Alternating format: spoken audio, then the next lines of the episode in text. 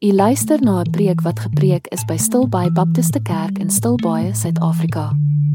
Vir meer inligting, besoek asseblief ons webblad by stilbaibaptist.co.za. Mag u geseën word deur God se woord vandag. Kom ons sê sommer net weer dankie vir die Here. Dankie Here dat U 'n God is wat wonderbaarlik werk. Here dat U nie die God net van ou mense is nie maar dat jy tot deur kinders u waarheid kan bring. Here, dankie dat ons saam met hulle kan bly wees oor al die goeie nuus van wat nie hoef te gebeur nie. Maar ons bid ook dan nou vir hierdie pad, hierdie stresvolle pad wat dit al kan wees om elke 3 maande vir die toets te moet gaan dat dit nie dit sal wees nie. Maar dat hulle elke keer net in vertroue aan U sal vashou en U aan U op U sal vertrou. Ons bid al hierdie dinge in die wonderlike naam. Amen. Ons is besig met ons reeks hierso in, in stap die pad van woord en krag. Ons is nou blitsvinnig op pad na die einde van 1 Tessalonisense toe. Daar's nog so 3 preke oor. Maar ons moet nog duidelikheid kry oor daai broederlike kus. Dis party is bietjie bekommerd nog oor daai ene. Um, ons gaan nog by hom uitkom. Maar vandag se preek is so lekker want dit is net 'n seëning. Dis net oor die Here se goedheid. En kyk, ek dink nie wat die pad saam met ons gestap het, besef dat die Bybel gaan baie oor wat die Here vir jou sê, nee, draai lewe so. So dis dis 'n vals dis 'n vals boodskap as jou boodskap heeldag is ag die Here is lief vir jou. Ag wees net jy, you do you. Wees net wie jy is. Moenie worry nie. Die Here is lief vir jou. Maak nie saak nie. Dis dis onvoorwaardelike liefde. Jy kan doen net wat jy wil en die Here is nog bly oor jou. Dis net Bybels glad nie waar nie. God se liefde is onvoorwaardelik in die sin dat hy sy seun gestuur het na 'n wêreld wat hom nie verdien nie. God se liefde is onvoorwaardelik dat hy sy seun gestuur het nie net vir die Jode nie, nie net vir die wit Afrikaners nie, maar dat enige iemand nou 'n kans het om te kan terugkom. En daai kans is nie van, okay, wees nou goed genoeg, dan kom jy terug na my toe en dan gaan ek jou aanvaar nie. Sy oproep is vir die stikkende en die gebroke en die sondaars en almal wat besef hulle het 'n redder nodig. Dis die onvoorwaardelike liefde om te sê kom. Maar die onvoorwaardelike beteken nie kom nee Here ek stel nie belang nie. Ag moenie worry nie, aan die einde gaan ek jou nog steeds red. Dis nie die definisie van onvoorwaardelike liefde nie. En so die Here nooi jou in deur onvoorwaardelike liefde en hy red jou, maar nou los hy jou nie daar nie. Hy los jou nie waar jy gekry het toe jy gered het nie. Um hy sê nou kom ons stap na die pad dat jy al hoe meer na die beeld van Christus gelyk word. En dit verg werk. Dit verg gehoorsaamheid. Dis nie jou werk primêr nie. Ons gaan dit vandag weer sien. Dis God wat saam met jou werk deur jou werk. Maar dit vat iets om te sê ek kan nie net hier bly nie. Ek dink die meeste van julle wat nou al ouers is weet. Dis kindermishandeling om jou kind net te los dat hy sy eie ding doen. Om nie daar te wees en dissipline toe te pas, om te help in die regte reëning, on, regte rigting, ondersteuning te gee, bemoediging te gee, um dissipline te gee, al daai. Dis kindermishandeling as jy net vir jou kind sê, ag, ek gaan net maar my ding hierso doen, jy doen jou ding daar en dan gaan ons net maar ek sal elke aand vir jou kos gee. Um 'n goeie ouer is betrokke by hulle kinders se lewens en 'n goeie vader is betrokke by sy kinders se lewens. Okay, so nou vandag se tema dan is 'n seënbede oor jou lewe. Jy kan die Bybel daar oopmaak by 1 Tessalonisense 5. Ons gaan lees van vers 23 tot vers 24 en Neil gaan vir ons kom lees. Dankie Neil. En mag God self, die God van vrede, julle in elke opsig heilig maak en mag julle volledig na gees, siel en liggaam vlekkeloos bewaar word totdat ons Here Jesus Christus kom. Hy wat julle roep is getrou en sal dit doen. Geniel. Ehm um, so hierdie is 'n in Engels noem hulle dit 'n benediction en Afrikaans noem dit 'n seënbede of 'n seëngebed en ek dink in ons lewe vir baie mense is daar nie ons gebruik seënbede nie genoeg nie. Vir baie van ons is dit net die ding wat jy hoor aan die einde van die diens wat die teken is dat jy binnekort kan huis toe gaan. Maar ehm um, dis 'n baie besonderse deel van God se werk met ons. Dit is ook baie, dis nie toevallig nie. Dit is doelbewus dat hy die seënbede bring net na hy gepraat het oor profesie. Nou die wat verlede week hierso was sal hoor hy het hard en duidelik gepraat oor profesie. En nou van profesie beweeg hy dan na hierdie hierdie seëngebed toe. En dis dan lekker om te verstaan, maar wat is die verskil tussen 'n seëngebed, 'n profesie en 'n gebed? Um 'n gebed is die redelik maklike ene. Gebed is ek wat met God praat. Gebed is kommunikasie van my kant af na God. En nou natuurlik sluit dit in stilte waar ek luister en en sensitief is vir God, maar gebed in sy definisie is Here, ek roep uit na U. Ek praat met U. Nou profesie is soos ons verlede keer gehoor het, is profesie is God se kommunikasie na ons toe. Enige iets wat God vir ons wil sê, tel onder profesie. En baie mense as hulle dink aan profesie, dan dink hulle toekoms. God praat net oor die toekoms. God praat definitief oor die toekoms, maar dis nie sy primêre gesprek met enigiemand nie. Sy primêre gesprek met jou is: Waar's jy nou? Waarheen is jy op pad? Dis sy gesprek. By ons Woensdag Bybelstudie, ons is nou besig met Daniël. Ons het nog nie een vuisgeveg gehad nie, so dis 'n goeie ding. Maar ons is nou besig daar in die 70 weke van wat daai profesie beteken. En dis altyd vir my interessant as die Bybel as die mense kom vra oor die eindtyd. Dan gee die Here vir hulle bietjie, maar dan draai hy die dan draai hy die gesprek. So hulle kom en aan die einde van Matteus kom die disippels en hulle sê, "Wat gaan die tekens aan die einde wees?" En hy sê wel hierso's 'n paar van die dinge, dis baie algemeen. Dis baie die liefde van baie gaan koud word. Ehm um, onderdrukking gaan kom. Daar's nie baie detail daar wat jy dit kan in 'n kalender laat inskryf nie. Maar dan net die volgende hoofstuk aan draai Jesus Jesus dit. Dan begin hy praat oor die dat die gelykenis van die maagde met die olie. Nou wat is die doel van die gelykenis van die maagde van die olie? Wat is die les daarin? Wees gereed. Sê daai gelykenis enigstens vir jou wanneer Jesus kom? Die gelykenis sê juis jy weet nie. Daai maagde het nie geweet nie. Dan die volgende gelykenis waaroor hy praat is die gelykenis van die talente wat uitgedeel word. Wat is die les van daai gelykenis? Doen wat jy moet totdat hy terugkom. En met wie was die um die die groot baas wat die geld uitgedeel het die, die meeste ongelukkig? Met die persoon wat niks met sy talente gedoen het nie. Hierdie persoon het net gedink aan die aan die hoof en ges die baas en gesê my meester is so erg en hy's so vreeslik en ek is bang vir hom. Ek gaan nou maar net hier sit en wag dat hy terugkom en my geld bewaar. En hy sê nee, jy moes gewerk het hiermee. En dit gebeur so baie keer in die Bybel wanneer mense begin vra, Jesus, maar wanneer nou en hoe en waar pas Israel en Hamas nou in en en hierdie oorlog nou in Rusland en dan draai die Here en dan sê hy, maar wat van jou? Wat van jou? Waar's jy? Wat doen jy op die oomblik vandag? Dis baie belangriker as die presiese dag wanneer hy weer gaan kom. Wat doen jy tot hy weer kom om gereed te wees? So dis dis profesie 'n deeltjie van profesie um, is die toekoms, maar die grootste deel is wat God met jou praat oor waarheen is jy op pad? Waarmee is jy besig? Groot deel van profesie is God wat vir ons sê wie hy is en wat hy gedoen het en wat hy gaan doen en wat hy besig is om te doen. So nou het ons gebed en ons het nou profesie. Nou seënbede is amper so iets wat gebed en profesie saambring.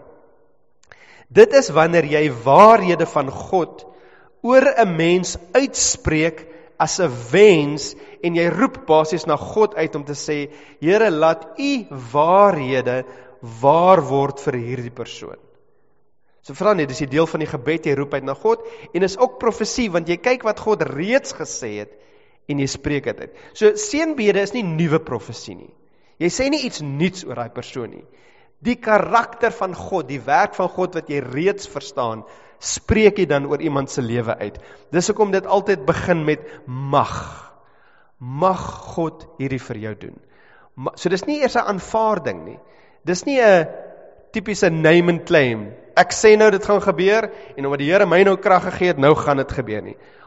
Party mense kan so arrogant wees in hulle verhouding met die Here. Dit is 'n nederige uitroep om te sê, Here, U het gesê U is goed en ons betwyfel dit nooit, maar mag U U goedheid vir hierdie persoon bewys. In nederigheid kom vra ons vir die dinge wat U reeds beloof het. Um 'n seënbede kan ook direk net na God gerig wees. In Psalm 67 vers 6 um, lees ons waar hy sê mag die volke U prys. So dis 'n seëngebed wat wat oor God gaan. Um een belangrike ding om te onthou van 'n seëngebed is jy kan nie 'n seëngebed oor almal uitspreek nie. Oor wie kan jy seëngebede uitspreek? Julle sê vir my. Hier is die maklike vraag, die moeilikes kom nog. Kinders van die Here.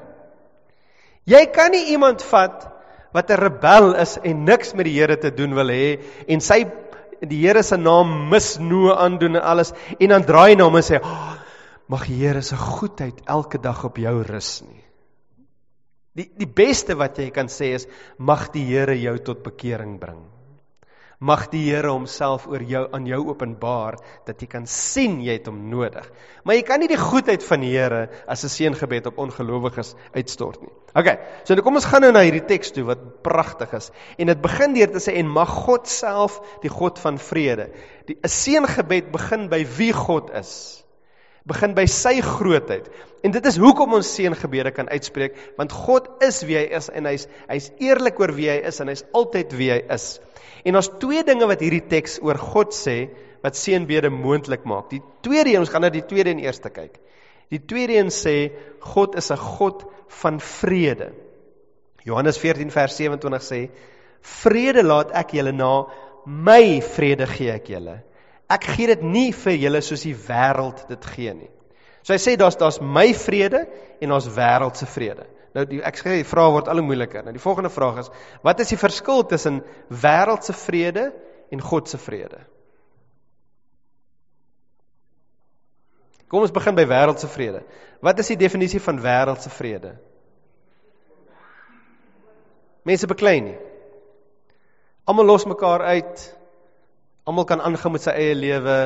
Niemand word onderdruk nie almal kan doen wat hulle wil. Sal julle saamstem? Dis die dis die idee van wêreld. So die, die wêreld kyk na Israel en Palestina en hulle wil wêreldse vrede hê. Ag los mekaar nou net uit. Kom nou net by jou plek uit, gee vir elkeen wat hom toe kom, lewe nou net in vrede saam. Dis die wêreld se definisie. God sê nee, my my definisie is anders. Wat is God se definisie van vrede? Vrede met hom eerstens.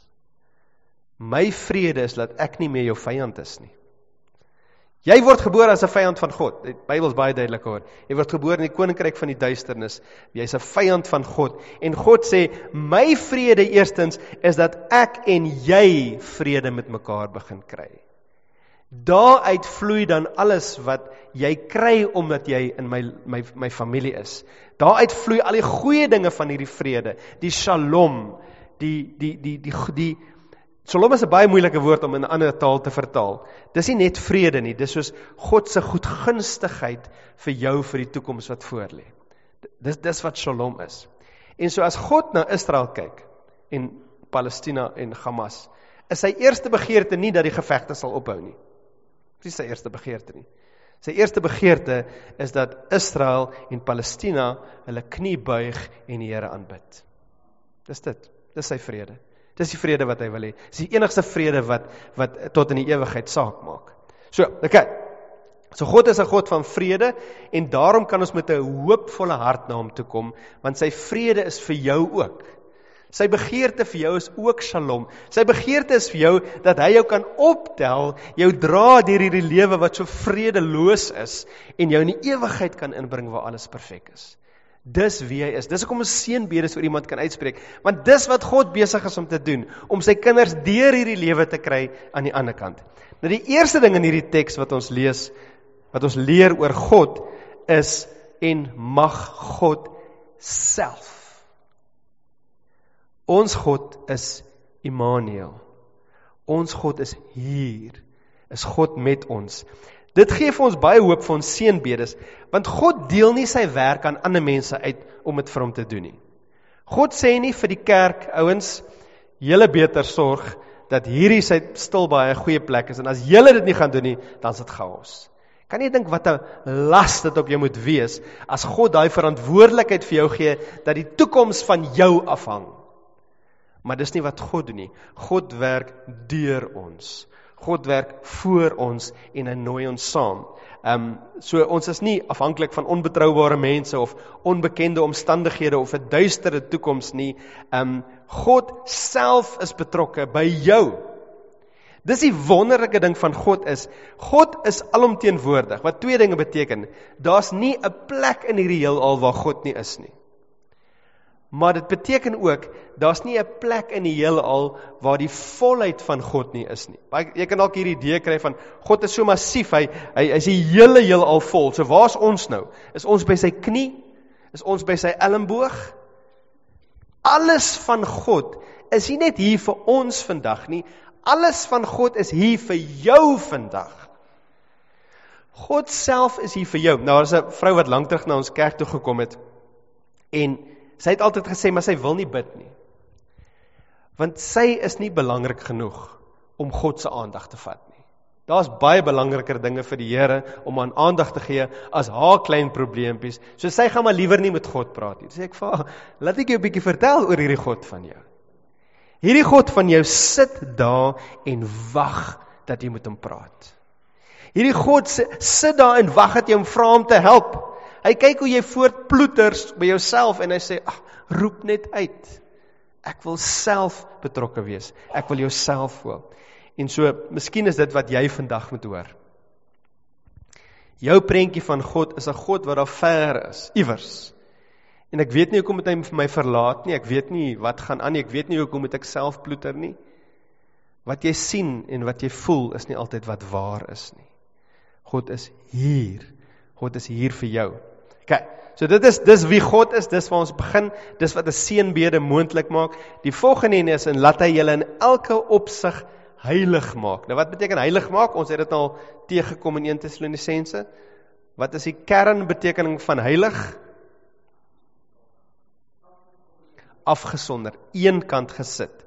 Nou dis nie in die kas gesit en die deur toegemaak nie dis om jou uit te haal uit 'n situasie wat vir jou onmoontlik en stikkend en gebroken en te veel is en hy sê kom ek bring jou na my toe.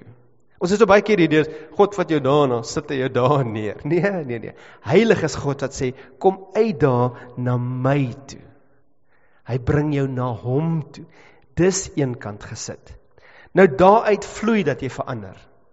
'n Heilige lewe is die uitvloei van 'n heilige van 'n heilige posisie om eenkant gesit te word vir God. En hierdie idee dat hy julle in elke opsig heilig maak. Hoekom hierdie vir my baie gerusstellend is, is dat ek weet, soos ek nou al reeds gesê het, ek het 'n rol om te speel in my heiligmaking. As ek myself op autopilot gaan sit en net doen wat ek wil, gaan dit baie sleg gaan met my. As ek heeldag na my eie hart en my eie brein luister van wat ek moet doen, dan gaan dit baie sleg gaan met my.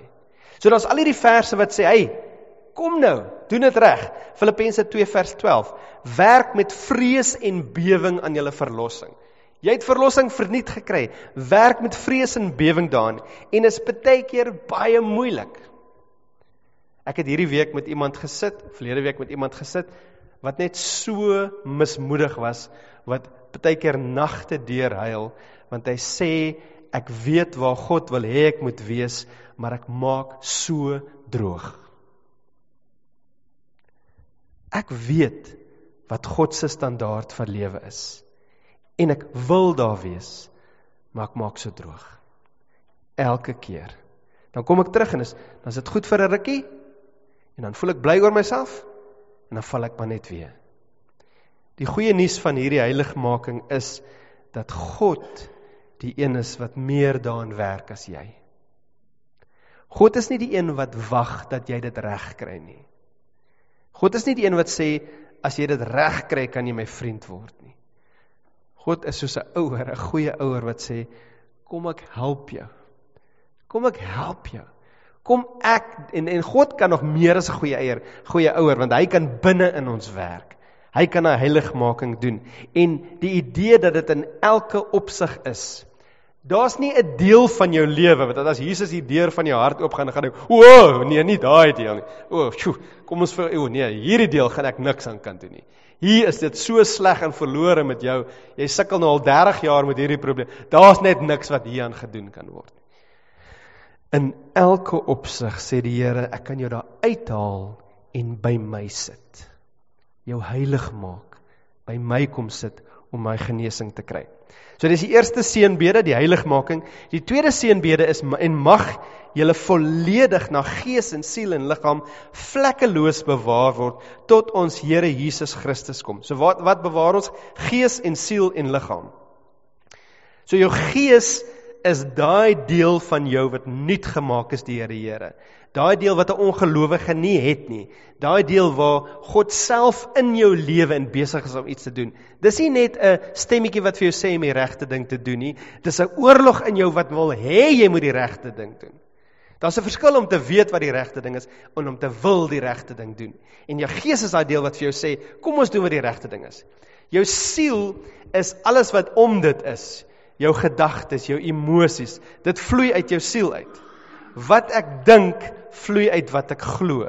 Waarvoor ek hoop, vloei uit wie ek is in Christus. En jou liggaam is jou liggaam. Dis dis die buitekant. En hoe word jou gees bewaar? Deur nie sommer net te kan wegval van die Here af nie.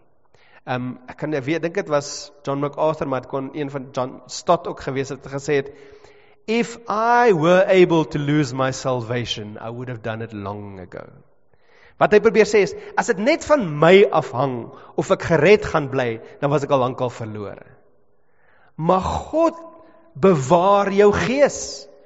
God veg daai oorlog wanneer jy begin skeef trek en jy weet nie meer of hierdie ding vir jou is nie en jy begin wonder oor die Here, dan tree God in en hy sê gaan jou gees bewaar in die midde van die konflik en die de mekaarheid hierso. Nou hoe bewaar hy jou siel? Hy sê, jou siel is jou gedagtes en jou emosies. Hy beskerm jou teen om vernietig te word in jou siel deur gedagtes en dinge wat nie van die Here af is nie. Om daai gedagtes wat nie in lyn is met God se waarheid oor jou, oor die lewe, oor God, jou emosies, jou wense, daar bewaar hy jou en bring jou terug na die middel toe. En hoe bewaar hy jou liggaam?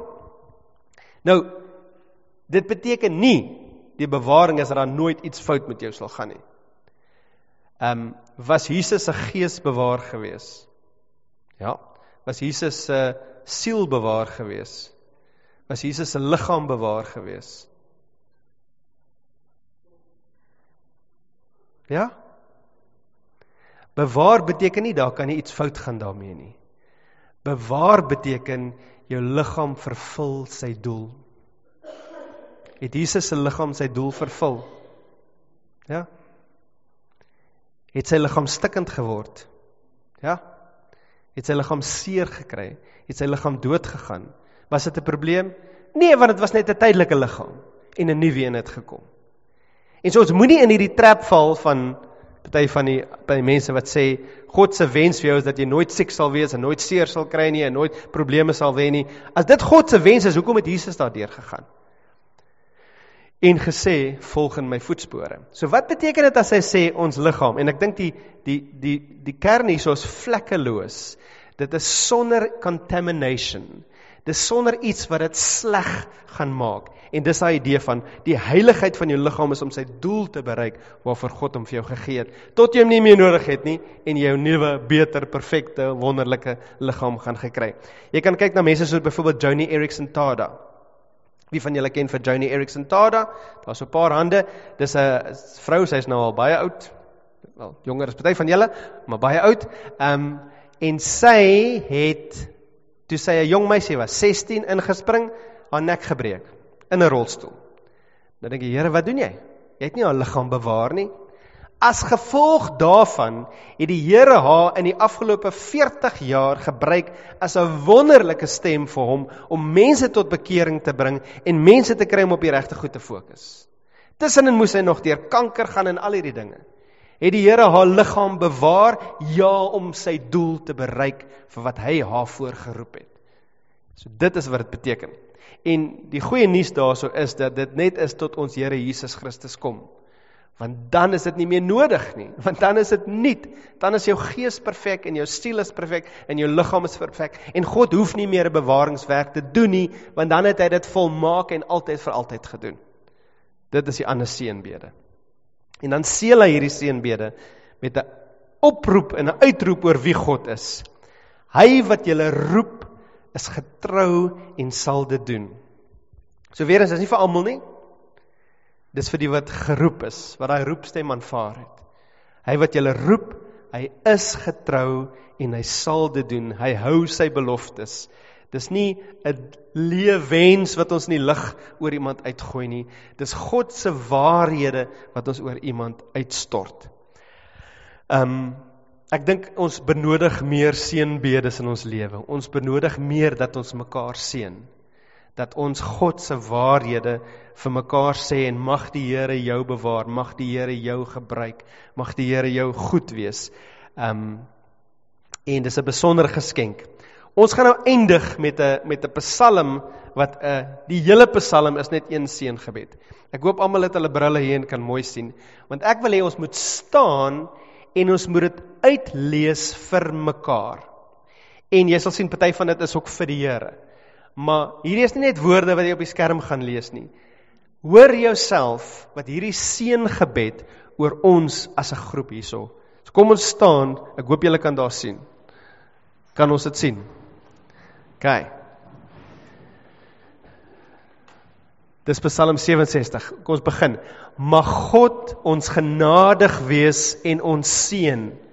Mag hy die lig van sy aangesig by ons laat skyn, Sela. Mag u pad op die aarde bekend wees, u verlossing onder al die nasies. Mag volke u prys, o God. Mag al die volke u prys. Mag nasies bly wees en jubel, want u oordeel volke billik en nasies mag u hulle op die aarde lei, Sela. Mag volke u prys o God, mag al die volke u prys. Die aarde het sy opbrengs gelewer. Mag God ons God ons seën. Mag God ons seën sodat al die uithoeke van die aarde vir hom ontsag sal hê. Kom ons bid saam. Hemelse Vader, dankie. Dankie dat ons hierdie seën kan uitroep oor ons land dat ons hierdie seën kan uitroep oor die uithoeke van die aarde. Dat u in die besigheid in die besigheid is om mense te red van elke vol, elke taal, elke nasie, elke groep. Is u besig om uit te gaan en Here ons wil vandag daai seën gebed uitroep. Mag dit waar wees van die mense wat ons ken. Mag dit waar wees van ons vriende en ons familie wat skop teen u dat u hulle koning word, dat hulle na u toe draai. Here, dankie dat U goed is. Dankie dat ons uit wie is en wat U oor Uself van ons gesê het, seëngebede mag uitroep, want nie dat ons enigiets is nie, maar omdat U alles is. Ons bid dit in die wonderlike naam van Jesus. Amen. Ons hoop u was geseën by die aanhoor van God se woord vandag. Vir meer inligting of vir gebed, besoek asseblief ons webblad by stilbybaptist.co.za. Mag u u lewe vind in Jesus Christus en hom alleen.